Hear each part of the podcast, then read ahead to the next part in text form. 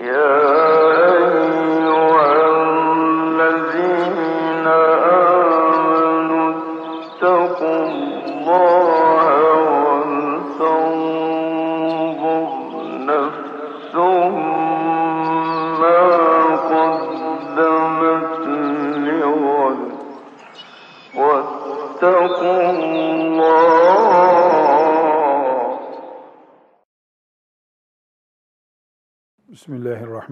Bismillahirrahmanirrahim. Elhamdülillahi Rabbil alemin. Ve salatu ve selamu ala Resulina Muhammedin ve ala alihi ve sahbihi ecma'in. Takvanın Müslümanlık standardı olduğunu, Müslümanın takva dışındaki bir ölçüyü ölçü olarak kullanmaması gerektiğini, ırkın, veya siyahlığın, beyazlığın, deri renginin Müslümanlığımız açısından, Allah'a yakınlık açısından bir önem taşımadığını özellikle vurguladıktan sonra takvayı bize tanıtacak müellifimiz, takvanın ayrıntılarına girecek. Ee, Daha doğrusu takvanın parçalara bölünmüş halini bize gösterecek güzel ahlakın, takvanın bir altyapısı olduğunu söyleyecek ve güzel ahlakın kaynaklarından söz edip daha sonra da kötü ahlakı tanıtacak. Kötü ahlak neye deniyor? Onun parçalarını bize gösterecek. Gaye şu, Müslüman güzel şeylerin peşinde olurken kötü bilinen şeylerden de uzak kalması lazım. Bu da tanımasıyla mümkündür. Mesela yalan kötü bir şeydir. Ondan uzak durman lazım diyecek. Çünkü yalan Müslümanda varsa veya hainlik, hırsızlık, benzeri şeyler Müslümanda varsa takvaya karşı engel var demektir. E, takvaya engel durduğu sürece de e, ne kadar yükselmeye çalışırsan çalış, müttaki müminlerden olman zorlaşıyor şeklinde anlayabiliriz bunu. Bu sebeple e, kalp açısından yani Müslümanın manevi kimliği diyelim buna. Müslümanın manevi kimliği açısından önemli olan şeyler, gerekli şeyler ve olmaması gereken, uzak durulması gereken şeyler. Bunların birincisini e, kalp olarak görüyoruz. Yani diyoruz ki kalbimiz bizim ahlakımızdan e, oluşuyor. Ahlakımız, imanımız zaten var elhamdülillah Müslüman olarak. Ama bu Müslümanlığımızı ayakta tutan bir ahlakımız olması gerekiyor. Bu ahlakı da biz özellikle ayakta tutan unsurlar olarak konuşmamız ve sinir sistemimize hakimiyetimiz ve bir de ilave olarak şehvetlerimizi dizginleyişimiz. Burada e, ahlakın kaynağı olarak bir gibi rahmetullahi aleyh insanın konuşması, sinirlerine hakim olması ve şehvetlerini kontrol altında tutması bu üç şeyi çok önemsiyor. Bu üç şeyi daha doğrusu e, kalp dünyasının ana dinamizmi olarak karşımıza çıkarıyor. Ve bütün e, bu kalbin ahlakının ayakta e, canlı duramaması yani kalbin ahlak açısından sorunlar yaşamasını da hastalıkları tanımamak yani manevi hastalıkları tabii e, nedenlerini bilmemek ve gerekli tedbirleri almamak açısından ele alıyor. Bunların hepsini inşallah birkaç ders boyu göreceğiz. Ama önce burada hocam 156. sayfada e, hadisi şeriflerden e, değerli ahlakın yani iyi ahlakın ve ahlak kötü olduğu zaman o kötü ahlakın insana nelere mal olacağına dair hadis-i şerifler nakletmiş. 88. hadis-i şerifi okuyalım hocam. عن ميمون بن مهران رضي الله عنه قال قال رسول الله صلى الله عليه وسلم ما من ذنب أعظم عند الله من سوء الخلق وذلك لأن صاحبه لا يخرج من ذنب إلا وقع في ذنب Belki hepimizin e, dikkat etmesi gereken, not defterimizde bulunması gereken çok orijinal bir söz bu. Hadisi şerif zaten ama etkisi de orijinal. مَا بِنْ زَنْبٍ اَعْظَمْ عِنْدَ اللّٰهِ مِنْ سُوءِ الْخُلُقِ Allah için Allah'ın katında kötü ahlaktan daha e, ağır bir günah olmaz. Niçin? لِأَنَّ ذَا لِأَنَّ صَاحِبَهُ لَا يَخْرُجُ مِنْ زَنْبٍ اِلَّا وَقَعَ ف۪ي زَنْبٍ Çünkü bir insan kötü ahlaklıysa o bir günahtan çıkar öbürüne batar. Yani günah bataklığında boğuşur o. Bu da onun kötü e, ahlakı sayesinde ortaya çıkar. Yani adamda ahlak bozukluğu varsa bu bozuk ahlaklılık onun bitirmeden bir günahı öbür günaha düşmesi gibi bir sonuca getirir. Buradan bu hadisi şeriften Müslümanın e, kötü ahlakı ki kötü ahlaka ait yani neye kötü ahlak diyor ileride açıklayacak bunu inşallah. Kötü ahlaktan bir hastalık gibi korunması lazım. Şimdi burada e, özellikle bu asrın Müslümanı olarak şöyle bir endişe mi diyeyim ya da artık işte adını koyamıyorum bir türlü. Ahlakın yeri bizde ne acaba? Özgül ağırlığı nedir ahlakın? Diplomayla veya servetle, parayla karşılaştırıldığında ahlak yüzde kaça tekabül ediyordur? Bu sorunun cevabını belki de vermek hoşumuza da gitmeyecek. Mesela bir çocuğun, gencin lise diploması ve üniversite puanıyla ahlakını karşılaştırsak, okuldaki ahlak dersi puanı değil ama, annesine babasına karşı durumu, kardeşlerine karşı, arkadaşlarına karşı, yani ahlak neye deniyorsa artık, bu ahlak mesela yüzde yirmilerde ise kalite olarak, onun üniversite başarısı bu ahlakını kapatıyor mu toplumumuzda, kapatmıyor mu? Maalesef kapatıyor. Yani çocuğun üniversitesi iyi. Ahlakı ileride düzelir. Halbuki bizim Müslüman olarak evet hem üniversite başarısı iyi olsun hem ahlakı iyi olsun demek zorundayız. Ana gayemiz budur ama ahlak kesinlikle yani en azından yüzde ellinin altına düşmemesi lazım. Ki e, Müslümanca bir hayat iddiamız yerini bulsun. E, burada 92.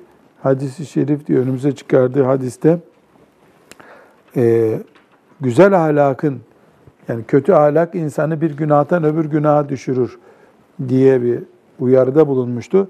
Ahlakın güzel olması durumunda ise ne ile karşılaşacağımızı okuyalım bu hadis-i şerifi, Tabarani'nin hadisini An Enes radıyallahu anh قال قال Resulullah sallallahu aleyhi ve sellem innel abde leyebluğu bi husni hulukihi azime derecatil ahireti ve şerefel menazili ve innehu le zayıful ibadeti ve innehu leyebluğu bi su'i hulukihi esfele derecetin min cehenneme.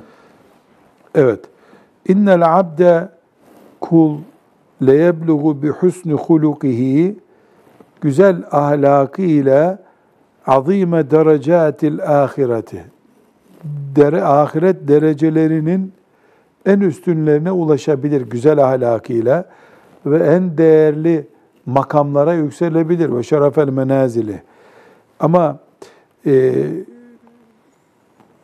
zayıf bir kul bile olsa yani ibadetlerinde çok aktif olmasa bile gerçi iman var ve temel farz ibadetler var. Zaten ibadet yapmayan birinin ne alaka olacak? Ee, iyi ahlak insanı kıyamet günü yüksek makamlara yükseltebilir. yüceltebilir. E, kötü ahlakı ile de cehennemin alt tabakalarına düşebilir. Buradan şöyle bir açılıma gitmemiz gerekiyor. Yani biz ahlakı eğer birilerinin yanında mendille burnunu temizlemek olarak sadece anlarsak o zaman mendille burnunu temizlediği için insan niye cennette çok makam alsın ki diye bir soru sorarız. Ve bu sorunun cevabı olmaz. Hayır. Biz ahlakla insanın Allahu Teala için yaptığı şeylerin dışındaki her şeyi kastedeceğiz. Güzel ahlakla kastımız Allah için namaz kılıyor.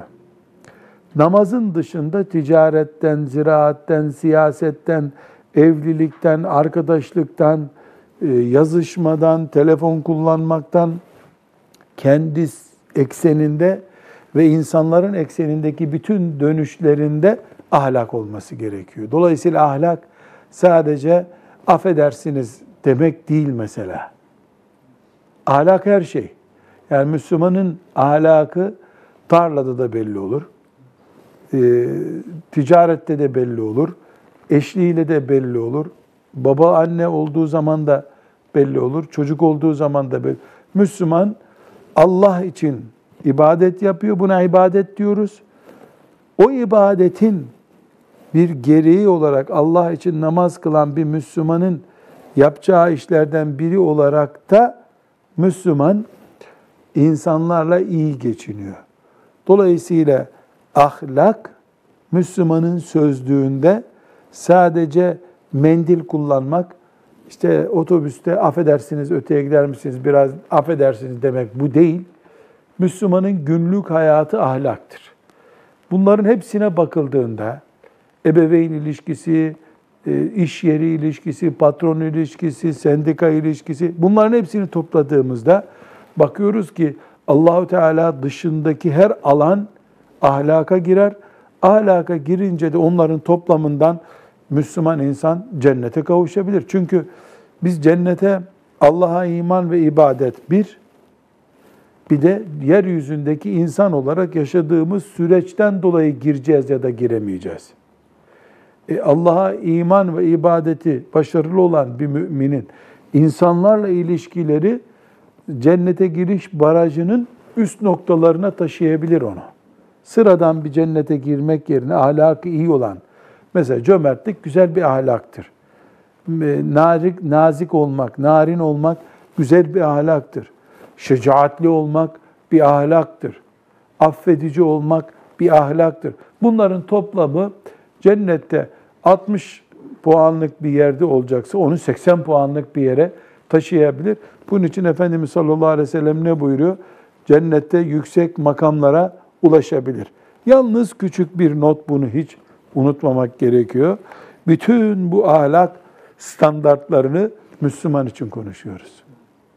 Allah'a iman eden için ve imanın gereği olarak ibadet yapan için konuşuyor. Gavur, kafir, ahlaklı olmuş veya olmamış ahirette bir etkisi yok onun. Dünyada olur.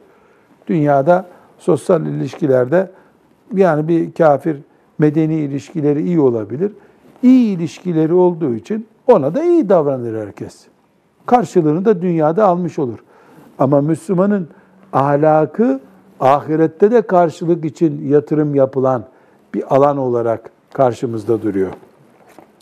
Bu noktadan sonra e, ahlaka ait küçük bir işaretten sonra e, kötü ahlakın neler olduğunu e, bize tanıtıyor bir gibi rahmetullahi aleyh.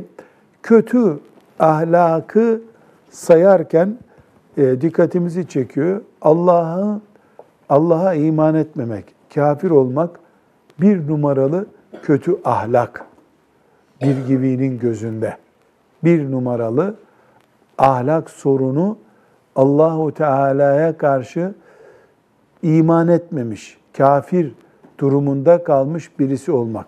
Şimdi şöyle yapmamız lazım. Ee, bir gibi rahmetullahi aleyh bir kere ahlak konusunu işte mendille burnunu temizleyen adam, elbisesi ütülü adam bu noktadan alıyor. Göklerden bakarak, uzaydan inceleyerek kuş bakışı bir ahlak anlayışı getirmeye çalışıyor. Bu sebeple de kötü ahlak nelerdir sorusunda bir numaralı konu nasıl hocam? Birinci konumuz ne? El evvelu El küfru billah. el küfrü billah. El iyazu billahi teala. Allah muhafaza buyursun. Birinci ahlak zafiyeti, ahlak, kötü ahlak e, açısından bir numaralı konu Allahu Teala'ya iman etmemektir. Burada duracağız. Müslümanız. Bir alimin e, Et-Tarikatül Muhammediye isimli kitabını okuyoruz. Bize ahlakı tanıtıyor. Her ne kadar devlet okullarda okuttuğu ahlak kitaplarında böyle bir tanıtım yapmıyorsa da bir gibi gibi bir alim ahlaksızlığı imansızlıkla başlatıyor. İman olmayan ahlakı yoktur diye düşün. Kötü ahlaktır bu diyor. Sosyal ilişkileri iyi olabilir kafirin. Ama Allahu Teala'nın nazarında ahlaksızdır. Çünkü mesela bizim bu toplantımızda birisi çıkıp hiç hoşumuza gitmeyecek şekilde ayak ayak üstüne atsa, onu ahlaklı kabul etmiyoruz. Ya da bizi rahatsız edecek sesler çıkarsa, ya bu ne biçim ahlak sende diyoruz. Bu yedi kişilik grubun içerisinde. Peki Allahu Teala'nın e, nizamında, bu dünyadaki yaratmasında iman etmeyerek, kafir kalarak bu kötü görüntüyü vermek Allah'a karşı bir ahlaksızlık değil mi? Yani insanlar ahlakı hep birbirlerine karşı düşünüyorlar. Bir de Rabbimize karşı insanın ahlaklı olması lazım. Bu sebeple bir gibinin bir numaralı ahlaksızlık, ahlak açısından zafiyet dediği şey el küfru billah. Evet, ikinci olarak Vel cehlu huvettani min afatil kalbi. ve insanın düşebileceği ikinci ahlak zafiyeti cahilliktir. Cahillik konusunda açılım yapmamız lazım. Hatırlarsak önceki derslerde e, müellifimiz bilinmesi zorunlu şeyler diye liste çıkarmıştı. Bunları bilmemeyi, zorunlu bilgilere vakıf olmamayı cahillik olarak görüyor demek ki. Bu evvela Allah'ın huzurunda nasıl durulacağını, mümin kimlikle durulacağını bilmemek bir cahillik çeşidi. Ama okuma yazma bilmemek anlamına indirebilir miyiz bu cahilliği? Mesela e, İstanbul'a gelmiş yeni bir metro hattı açılmış.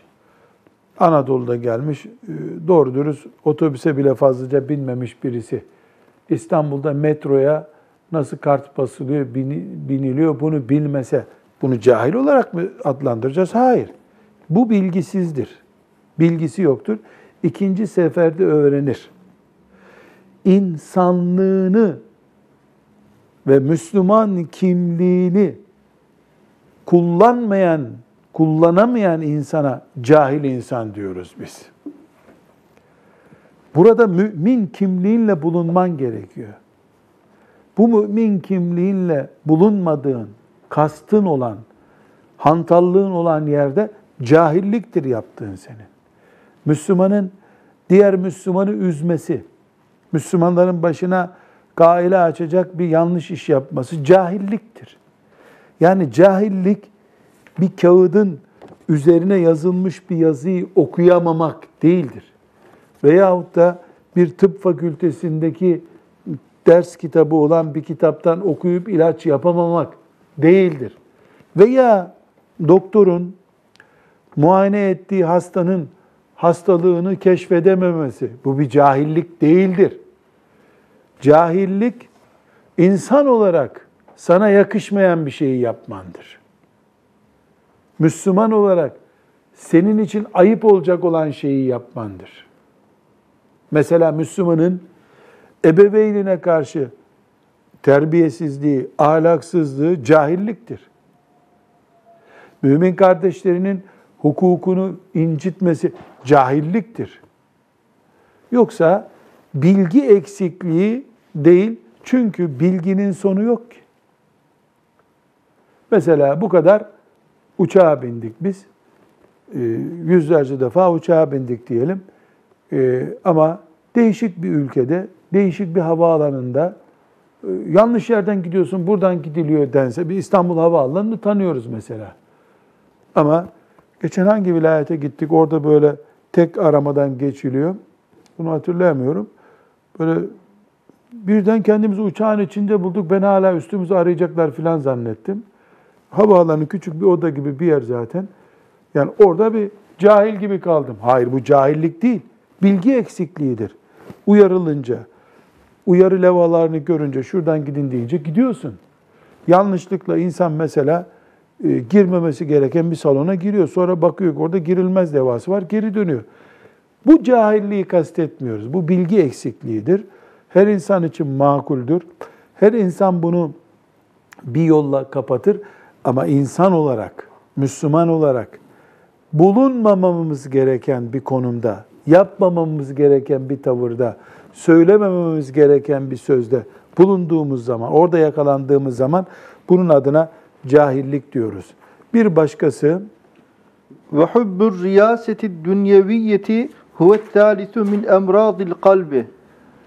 Evet, kalp hastalıklarının üçüncüsü yani Müslümanı takva yolunda alıkoyan, takvasını e, yavaşlatan veya belli seviyeye gelmesini engelleyen bir hastalık çeşidi de koltuk sevdasıdır. Şimdi e, biz ahlaki ahlaki eksiklikleri yazacak derken mendille bekliyorduk bir gibi. Ahlaksızlık olarak saydığı şeylerden birisi koltuk sevdası diyor. Her ne kadar tabii şimdi koltuk sevdası ile itham edilen insanlardan işte filan yerde başkanlık için kooperatif başkanlığı, belediye başkanlığı, cami derneği başkanlığı, e, işte daha yüksek bakanlıklar filan bu koltuklar için ömür tüketen ve büyük mücadeleler veren insanlar her ne kadar onlara sorulduğunda yok canım ben vatana hizmet için. Ya yok öyle şey olur mu ya benim asas gayem bu kooperatifi ayağa kaldırmak. Yani şu koltukları isteyenler e, ortaya koydukları gerekçeleri öyle bir dinlese insan zannedersin ki o olmasa dünya batacak ha. İyi ki bu caminin dernek başkanı oldu. Yoksa cami çökmüş kilise olmuştu şimdi. Öyle.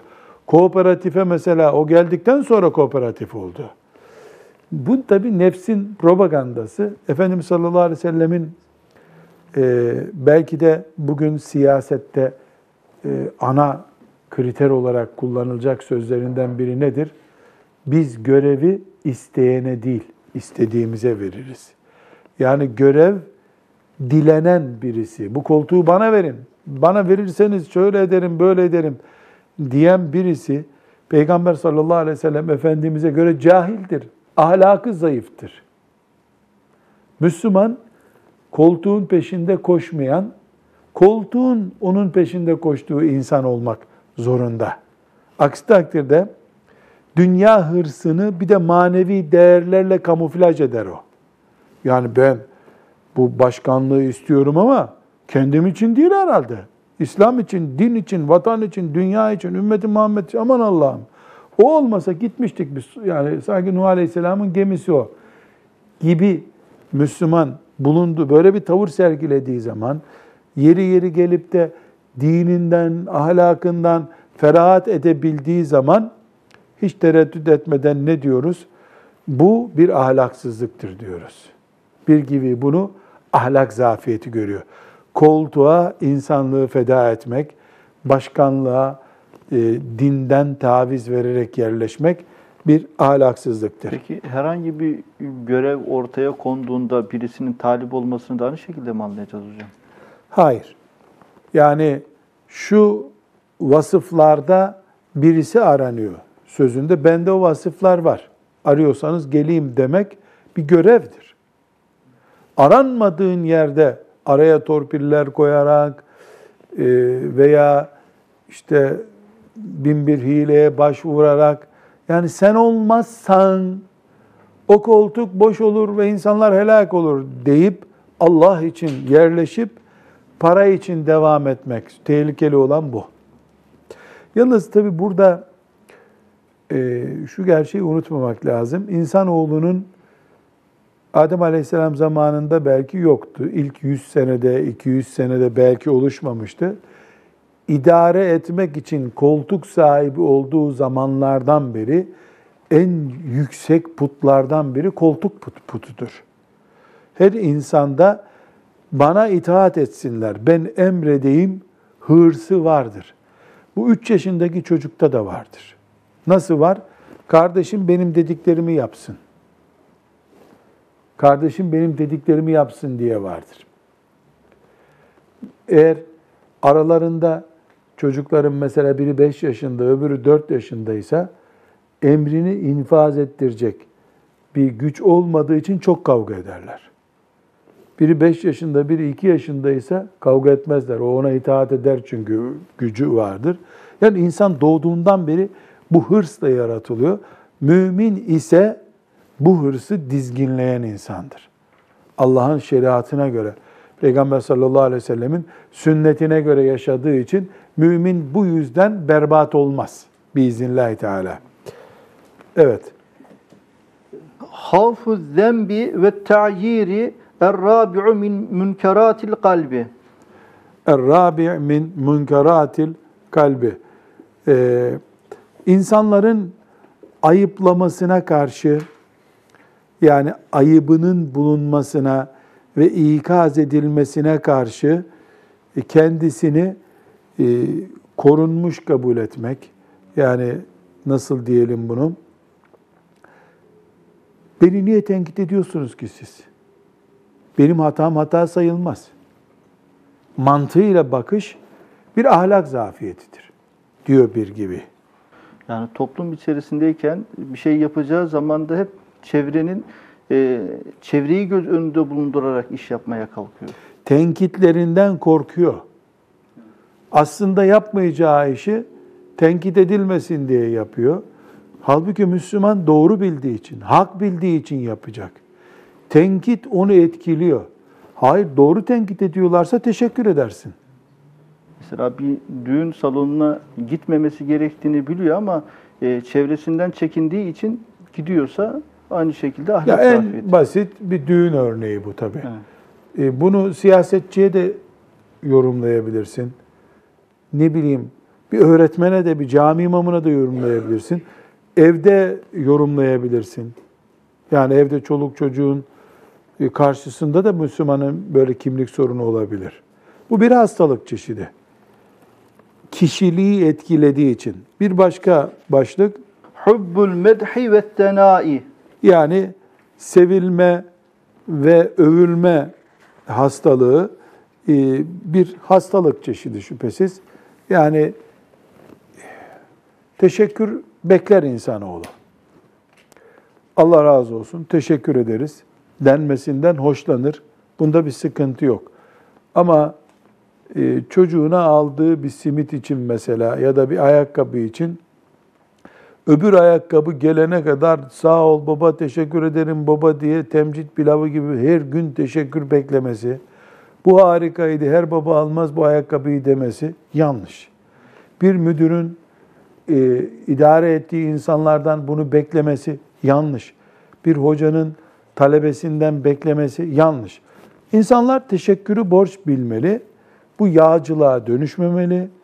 Bu ayakta tutan enerjisi olmamalı o Müslümanın. Yani bu yağcılık ve övgü sayesinde ayakta duruyor. Kaza ara övmeyecek, övmeyecek olsalar onu selam kelam vermez. Denmemeli. O noktaya gelmemeli. Devam ediyoruz. Neyi sayıyor? Takvayı e, engelleyen ve ahlak kötülüğü olarak bilinmesi gereken şeyleri sayıyor. Devam edecek.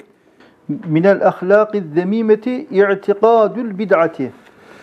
Müslümanın bid'atlere ki müellifimiz çok e, yoğun bir şekilde bid'atlerle mücadeleden söz etmişti. Müslümanın bid'ate inanması bir ahlaksızlık çeşittir. Neden? Çünkü bid'at Resulullah sallallahu aleyhi ve sellemin eksik bıraktığını düşünüp tamamlamak demektir. Peygamber aleyhisselamın makamına karşı bir ahlak zafiyetidir bu. Bunun zihninden bile geçmesi Müslümanın sıkıntı oluşturur. Bu sebeple Müslüman hiçbir şekilde e, Resulullah sallallahu aleyhi ve sellemin sünnetinde olmayan bir şeyi inançlı olarak yapmaz. Yani yanılır Müslüman, hata eder. Bir iştihat olarak fukaha öne çıkarır, o da onu bağlanır. Bunları demiyoruz. İtikat olarak eski ümmetlerdekilerin İsa Aleyhisselam'a Musa Aleyhisselam'a yaptıkları gibi şeyleri yani dine ilave manasında bir bidatı kabullenmez. Kabullenirse bu bir ahlak zafiyetidir. فَأَمَّا اتِّبَاعُ الْهَوَى فَهُوَ السَّابِعُ مِنْ آفَاتِ الْقَلْبِ Evet, burada önemli bir başlığa geldik. Müslüman zevkini ölçü almaz.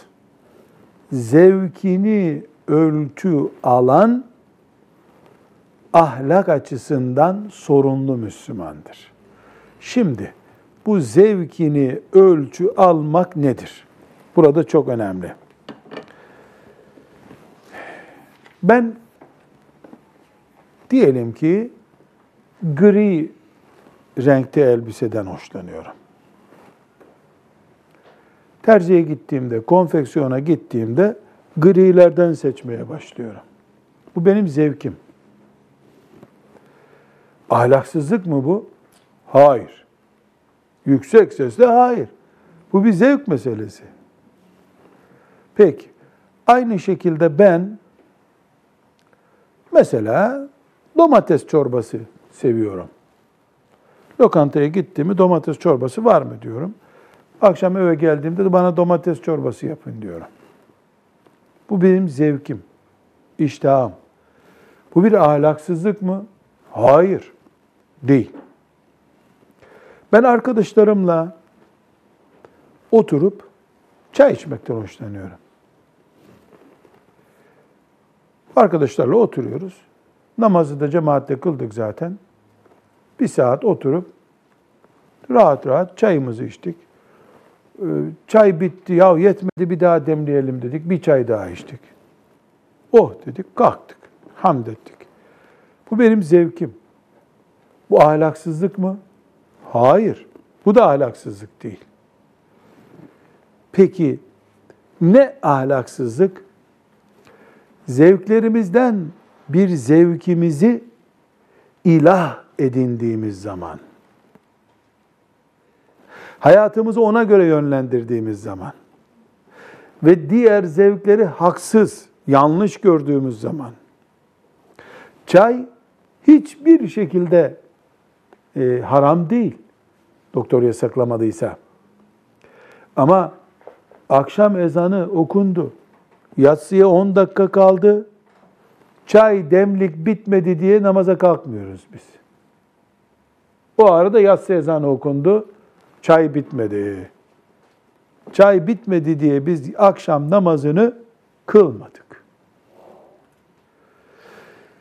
Akşam namazını neye feda ettik? Çaya feda ettik. Çay neyin yerine oturdu? Namazın yerine oturdu. Niye ben çay içiyordum? Zevkimden. Zevk. Çok zevk alıyoruz çaydan biz. Bunun adı ne? İlahlaştırılmış zevk. Namazımı engelledi çünkü. Gri renk elbise giymek günahtır, sevaptır denemez bile. Mubahtır. Eşini gri giyen haram işlemiştir. Denir mi canım? Allah'ın helalinden bir helal bu. Ama diyorum ki Ben mesela sizin hocanızım, şeyhinizim. Beni bakıyorsunuz hep gri giyiyorum. İşte takkem böyle bir takke. Ondan sonra siz diyorsunuz ki bu gri dışında gömlek giymek ve takkesin böyle olmaması sapıklıktır. Cennete bu gri gömlekliler giyecek. Ben de bakıyorum ki benim gömleğim dekor olmaya başlamış. Ee, daha çok dua ederim size. Siz de gri giyin diyorum. Biz nesil sonra bu gri gömlek İslam'ın özelliklerinden biri haline getiriliyor. Halbuki İslam'a rengini, elbisesini kim verebilir? Allah ve peygamberi verir. Benim bu gömlek zevkim, takke şeklim, benim özel bir zevkim ve mubahlardan bir mubah olduğu halde sanki dinmiş haline getirilirse bir yerde, böyle bir şey var diye demiyoruz bunu. Bir zevk nasıl uçuruma götürür insanı? Çayda örneklendirdik, elbisede örneklendiriyoruz. Neticede ne oldu? Bu gömlek zevki puta dönüştü. İslam'a ilave bir değer kattı, katmaya çalıştı. Allah'ın dini ondan uzak şüphesiz. Ee, o zaman bu dine ilave gibi giren zevk put olmuştur. Bunu dinimiz kabul etmiyor. Buna müsaade etmiyor.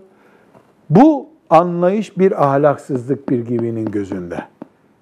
Zevklerin, heva ve arzunun putlaştırılması. Çünkü neden? Dine ilaveye getiriyor. Allah'ın en büyük emirlerinden mesela namazı engelliyor.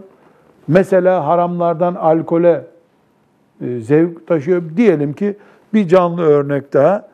E, mesela bir dondurma satılıyor. Bu dondurma içine likör katılınca daha zevkli oluyor. Var böyle bir şey biliyorsun değil mi? Dondurmaya likör katılıyor. Bu dondurma daha geç soğuyor, şey, ge- geç ısınıyor. Dolayısıyla elinde dururken aldığından daha e, soğuk hissediyorsun onu hep. Sarhoş etmiyor ama e, güzel de zevk veriyor. Allah'ın haramı alkol belli, likor haram. Biz dondurma zevki taşıyoruz. Bu zevkimizi haram olmasına rağmen sürdürmek istiyoruz. Buna ne deniyor? Zevkini ilah edinmek deniyor. Bir haramı niye çiğnedin? Zevkime dokundu bu. İşte bu haramın yani bu zevki ilahlaştırmanın doğal bir sonucu Müslümanın diniyle oynamasıdır. Bunu da ahlaksızlık diye bir listeye aldı. Şimdi burada Furkan suresinin 43. ayetini hocam okuyalım. Orada ne diyor? Eraeyte men ittehade ilahehu hevah Aa, Furkan, El Furkan suresinin 43. ayeti. Gördün mü ey peygamber? Şu adamı gördün mü? Arzusunu ilahlaştırmış. İçinden ne arzu geliyorsa onu yapmanın peşinde. Gördün mü şu adamı? Yani dikkat et o adama. Efendimiz sallallahu aleyhi ve sellem e, bu konuda buyuruyor. Bezzar'ın rivayet ettiği hadis-i şerifi okuyalım hocam. Anin Nebi an Enes radıyallahu anh anin Nebi sallallahu aleyhi ve sellem ennehu kal e, fi e, ahiri hadisin tavilin ve emmel muhlikatu helak eden şeyler yani Müslümanın ayağını kaydıran şeyler diye bir başlık açmış buyurmuş ki evet feşuhun muta'un ve heven e, müt, Müttebe'un. Ve i'cabul mer'i bi nefsihi. üç tehlikeli şey taviz verilmeyen bir cimrilik yani cimrilik adamın ruhu olmuş canı olmuş ve taviz verilmeyen zevkler ve herkesin kendisini beğeniyor olması. Üçü de aynı şey aslında bunların değil mi Zahra Hoca? Dikkat et. Kendine ait değerlerden mesela cimriliğinden taviz vermiyor. Yani öyle bir cimri ki dünyanın hep bana aksın, bütün dereler bana aksın istiyor. Zevklerini ilahlaştırıyor. Bu zevkim benim gerçekleşecek diyor. Ve bu yaptıklarını da beğeniyor adam. Böyle uygundur diyor. Evet. Burada bir caminin önünde bir gün bir randevu için bekliyordum. Oradan birisi beni tanıdı. Bir, çok önemli bir hatıra. Nasılsınız, iyi misinizden sonra hoş geldiniz, size çay ısmarlayayım dedi. Sağ ol dedim. Bizi alacaklar buradan, çaya vakit yok dedim. Bu cami ne zaman yapıldı dedim. Ee, şükürler olsun elhamdülillah bize nasip oldu dedi. Ee, biz yaptık işte şöyle yaptık, böyle yaptık. Dedim ama iskeleyi sökmemişsiniz dedim. Çok sıkıştık dedi. Ee, biraz para lazım tanıdığınız varsa yardım edin dedi. Dedim biz bu mahalleli değiliz dedim. Mahalleli yapsın camisini dedim ama üzerimize bir şey düşerse biz de yaparız derken bir genç geldi. Ben beni almaya geldi zannettim. Derken ona dedi hacı dedi. Buyur dedi. Bu şimdi bana öyle bir rol yaptı ki direkt camiyi ben yaptırdım demedi ama e, yani elimizden çıkıyor bunlar deyip 3-5 kişi yapıyoruz gibi bir hissiyat oldu. Hacı dedi şu iskeleyi görmüyor musun? Bu iskelenin kazıkları gözüne mi batıyor? Ulan 1 lira ver senin de 1 liran nasip olsun bu camiye dedi ya. Bir 1 lira versene dedi. Herkesten para istiyorum işte onun ismini söyledi. Herkes bana diyor ki ondan niye almıyorsunuz diyor dedi. Utanmıyor musun dedi. Üç senedir bu iskele burada. Bir lira da senden nasip olsun dedi. Bu şimdi 2-3 dakika içinde oldu. Adam bize bir baktı. O gitti öyle baktı para vermeyecek. Böyle bir şeyler dedi gitti onun arkasından. Biz camiyi yaptıran adam diye onu zannettik. O, o meğer 1 lirası nasip olmamış. Hep böyle propagandasını yapıyor. Ben yaptım rolü yapıyormuş. Sahneyi hiç unutamıyorum Hafız Salih. Adam bir değişik oldu, rahatsız oldu. O arada da bizi alacak olanlar geldi. Buyurun falan dediler. Ben de e, yani tokalaşalım bir iki dakika görüştük orada. Ya bu sahneyi ben önemsemedim. Yani aralarında bir espri zannettim bunu. E, hadi Hacı Efendi görüşürüz inşallah buyur bize gel filan diyeceğim. Adam elini uzatmadı. Hayret ya bize küstü mü diye düşündüm. Ee, neyse ben Hacı Efendi biz gidelim dedim. İrkildi adam meğer dalmış e, bu şeyde. Dedi ki böyle kendine gel. Bir sendeledi birkaç saniye yani. Bizim gidiyor olduğumuzu da anlayamadı. Yahu dedi. Bu cimrilik beni burada rezil etti. Kim bilir ahirette ne yapacak dedi. Çok merak ediyorum dedi. Bir eve görüşeyim de şu iskeleyle bir ilgileneyim ben dedi. Gene evle görüşecek ama erteleme ertelemeye devam. Sahneyi yani cimriliğin şey, şuhun muta' yani böyle şuhun muta' mesela kanakma nedeni aynı zamanda insanoğlunda. Yani niye kardeş kardeşiyle kavga ediyor, mafyaya havale ediyor? Ya kalsın onda yüzde üç fark diyemiyorsun. Canını veriyor insan, beş lirasını vermiyor. Bu sahne bir cami önünde çok kaliteli bir hatıra oldu benim için. Ama o adamın demek kalbinde iman vardı. Orada irkildi. Ya dünyada rezil oldum dedi. Ahirette işte ben onun özetleyeyim ifadesini. Kim bilir ne çekeceğim. Gene hanımına soracak vermek için ama. Kim bilir hanımı bahane edecek bu sefer vermeyecek. Ee, hakikaten öyle. Bu insanın e, ölümcül sonuçlara rağmen razı olması cimriliğin sonuçlarına bir afet. Aynı şekilde zevklerinden ferahat edememesi bir afet. Herkesin kendisini beğenmesi bambaşka bir afet tabi. Evet. Burada bir gibimizin e, bir soru sorulmuş gibi ona cevabı var. Yani e, bu madem bir insanın zevklerine düşkünlüğü fıtri bir gerçek ama değil mi? Herkes işte griyi sever, herkes e, övülmeyi sever. Yani herkesin sevdiği, zevk aldığı şeyler var ve bizi Allah bununla yarattı.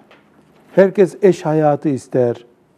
Nadiren üç tane, beş tane kural dışı olsa da her insanın ortak zevkleri bunlar. Ve herkes bunu istiyor. Dünyadaki kavgada bundan oluyor.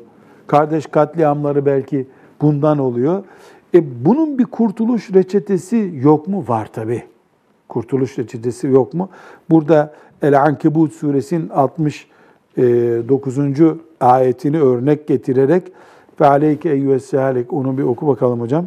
فَعَلَيْكَ اَيُّهَ السَّالِكِ بِالتَّشَمُّرِ ف۪ي مَنْعِ النَّفْسِ عَنِ الْهَوَى وَحَمْلِهَا عَلَى الْمُجَاهَدَةِ اِنْ شَئْتَ مِنَ اللّٰهِ الْهُدَى وَالَّذ۪ينَ جَاهَدُوا ف۪ينَا لَنَهْدِيَنَّهُمْ سُبُلَنَا وَاِنَّ اللّٰهَ لَمَعَ الْمُحْسِنِينَ Şimdi burada bir gibi nasihatini yaparak diyor ki, kardeşim diyor, madem Allahu Teala içimize böyle bir işte cimrilik yapma, zevklerimizi önemseme e, özelliği koydu, e, senin de nefsinle bu konuda cihad etmen lazım.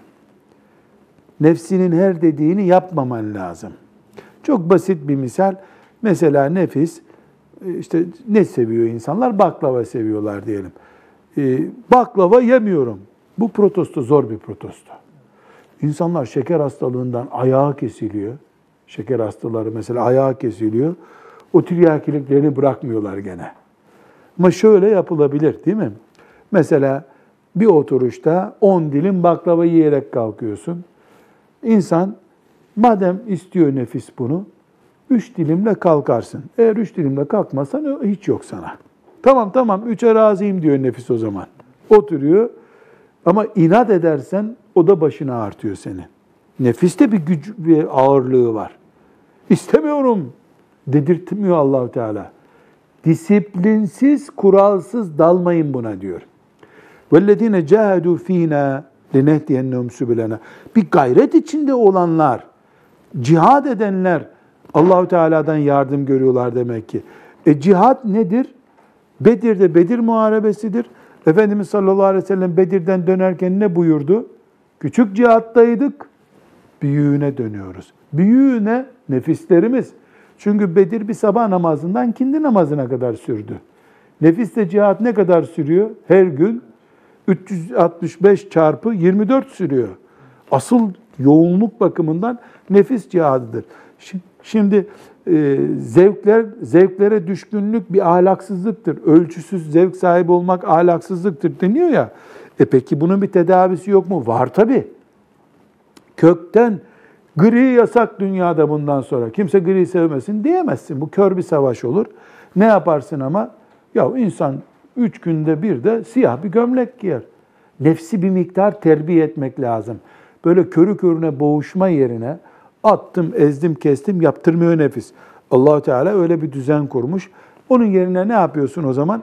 Bir miktar disipline getiriyorsun. Mesela e, soruyorsun diyetisyene, ya baklava bana ne kadar yararlı? Haftada bir gün yiyebilirsin diyor. O zaman eşine tembih ediyorsun, haftada bir gün tatlı yap bize. Hem kaç kişiyiz bu evde? Beş kişi. Beş e, dilim yap, altıncısı kimseye kalmasın. Nasıl olsa çocuklarının baklavasını da yiyemezsin. Çocukların sütlacını da yiyemezsin herhalde. Gibi. Yani herkes bilir kendisini, nefsini nasıl terbiye edeceğini. Mesela namaza gitmek zor geliyor. Değil mi? Nefis istiyor geldi. E, şöyle bir pazarlık yapılabilir nefiste. Madem sabah namazına gitmiyorsun o zaman yatsıya gideceksin tamam mı? Bak yatsıya da bir engel çıkarırsan inadına sabaha giderim. Yani nefsi bir rakip firma gibi görüp pazarlık ettiğin zaman bir zaman sonra o da ne oluyor? E, terbiye edilmiş bir nefis oluyor değil mi? Nefsinde çeşitleri var. Onu da göreceğiz inşallah bir gibi de. Yani nefsinde eğitilmesi mümkündür. Tamamen o huyundan vazgeçmiyor nefis. Yani ya eyyühen nefsül mutmainne irci ila rabbiki radiyeten mardiyye tatmin olmuş, olgunluğa ulaşmış. Oradaki nefis tabi bildiğimiz nefis manasında değil ama yani bir eğitim olabiliyor. Ee, Allahu Teala nefsin bir çeşidine ne yapıyor? Kur'an-ı Kerim'de levvame nefsin yemin ediliyor levvame nefsine. Yani ki hangi şeydir? Boğuşmaya boğuşmaya hayatı sürdüren nefis. E bu bir yemin edilecek kadar değerli demek ki. Yani bu bilhassa genç nesil için çok önemli. Nefisle direkt mücadele. Mesela Cep telefonu almıyorum. Ne kadar dayanacak genç cep telefonsuzluğuna? Yani telefonu alıyorum, internet bağlatmıyorum. Mümkün mü çocuğun internet bağlatmadan telefon bir gün, iki gün, bir ay bilemedin. Ondan sonra herkesten daha fazla internet kullanacak bu sefer. Hayır, ölçülü kullanırım. Şu alanlara girmeyen bir cep telefonu, şu e, megabaytı aşmayan filan internet hattı diyebilmek lazım. Bu aynı zamanda nefsi de terbiye ediyor. İnsan da eğitimden geçmiş, kaliteli bir Müslüman kimliği kazanıyor bu sefer. Evet. Sümme i'lem ennel mezmume fittiba'il heva fil mübahati el ısraru aleyhi iz tab'ul beşeri la yetehammelul muhalefetel külliyete. Evet. Şimdi burada kınadığımız şey bizim diyor şey mubahlarda kınadığımız şey o e, heva ve arzu zevk diyoruz ya. E Allah mubah ettiği bir şeydir. Bu kınanan senin bir mubahı kullanman değildir. Baklava yemen haram değil. Ama e, tepsiyi yemen haram. Bir tepsi değil. Bir dilimdi, iki dilimdi, bilemedin üç dilimdi. Hani bir porsiyon diyelim. Tepsiyi önüne aldığın zaman bu bir yoğunluktur. Bunu e, kesinlikle tavsiye etmeyiz. Bu bir işte ahlak zafiyeti diyor. Şurada altı çizilecek e, şey Salih Hocam sen üniversite talebelerine ders veriyorsun. E, bu cümleden bir ders çıkarabilirsin. İz tab'ul beşeri yani insan karakteri la yethammelul muhalefetel külliyete külliyen reddetmeye dayanamaz. Külliyen reddetmeye dayanamaz. Sadece şeytanı külliyen reddedebilirsin. Zevkleri külliyen reddedemezsin. Burada bak ben size bir örnek vereyim. Bir adam işte Talha Hoca ile kavga edeceğine diyor ki küsmek istiyor. Seninle bir daha şurada konuşmam böyle böyle böyle zannedersin ki 500 yıl devam edecek bu kavga. Anla ki çok yakında barışacak o. Külliyen atıyor. Ama adım adım tavır koyuyor. Selam veriyor, gerisine bakmıyor tarafına. Bu 50 sene devam ettirebilir bu kavgayı. Külliyen red, yani madem cep telefonu başımıza bela oluyor, sildim gitti insanlıktan dediğin an sen herkesten çok cep telefonu kullanacaksın, bekle. Bu ani kalkışlar hızlı düşüş anlamına geliyor. Bu kuralı çok iyi bir gibi söylemiş. Bundan böyle bir ders çıkabilir. Ve yennehu yueddi ilel guluvvi vel ifrat. Bu bir aşırılığa, ifrata götürür. Vakat marra fi faslil iktisat dengeli yaşama, dinde aşırı olmamada bunun menhiyyün anhu yasaklanmış bir şey olduğunu söylemiştik. Ee, burada hadisi şerif alıyor. Hadis-i şerifi okuyalım hocam. Kal aleyhissalatu vesselam Ya eyyühennâs Ey insanlar buyurmuş Efendimiz sallallahu aleyhi ve sellem. Ey insanlar Hudu minel a'mali ma tutiqun İşlerinizi kapasitenizle ölçülü yapın. Büyük konuşmayın, büyük büyük sözler, vaatlerde bulunmayın. fe innallâhe la yemellu hatta temellu Siz bıkmadan Allah'ı bukturamazsınız ki. Yani kiminle yarışıyorsunuz ya? Allahu Teala ile mi yarışıyorsunuz? Siz bıkar çökersiniz Allah gene Allah'tır Celle Celaluhu. Yani mesela ibadette diyelim. Bu gece 100 rekat namaz kılayım. Kaç gece böyle kılacaksın? 3, 4. Sonra ne olacak? Pes edip yatacaksın. Sabah namazına da 3 gün sonra kalkmayacaksın. Şeytan zil takıp oynayacak. Onun yerine sabah namazına kalk, camiye git. Perşembe geceleri teheccüde kalk. Bir iki sene bu program baktın gidiyor, pazartesileri de kalk. İki senede baktın öyle gidiyor, çarşambaları da kalk. Sonra da Allah lütfetsin her gece teheccüde kalk. Bir başla oruca altı ay devam et. Ondan sonra bir daha Ramazan'da tutma. E, helak oldun. Keşke sadece Ramazan-ı Şerif'i tutsaydın. Sonra da Muharrem orucunu ilave etsin. Sonra Zülhicce orucunu ilave etsin. Yani ey insanlar yapabileceğiniz işlere girin. Yapamayacağınız işlerde Allah bıkmaz, siz bıkarsınız. Ve inna habbel a'mali ilallahi madame ve in kalle. Allah'ın en çok sevdiği amel Az da olsa sürekli olan ameldir. Az ama sürekli. Allah böyle seviyor. Az sürekli. Kul nasıl istiyor? Yapıp bitireyim, yapıp bitireyim. E, ibadet yapıp bitmiyor. İyilikler yapıp bitmiyor. 80 sene yaşayacaksın. Enerjimiz ne kadar yaşamayı umuyorsun? 100 sene ya da yani bir ortalama ömrüne 100 sene.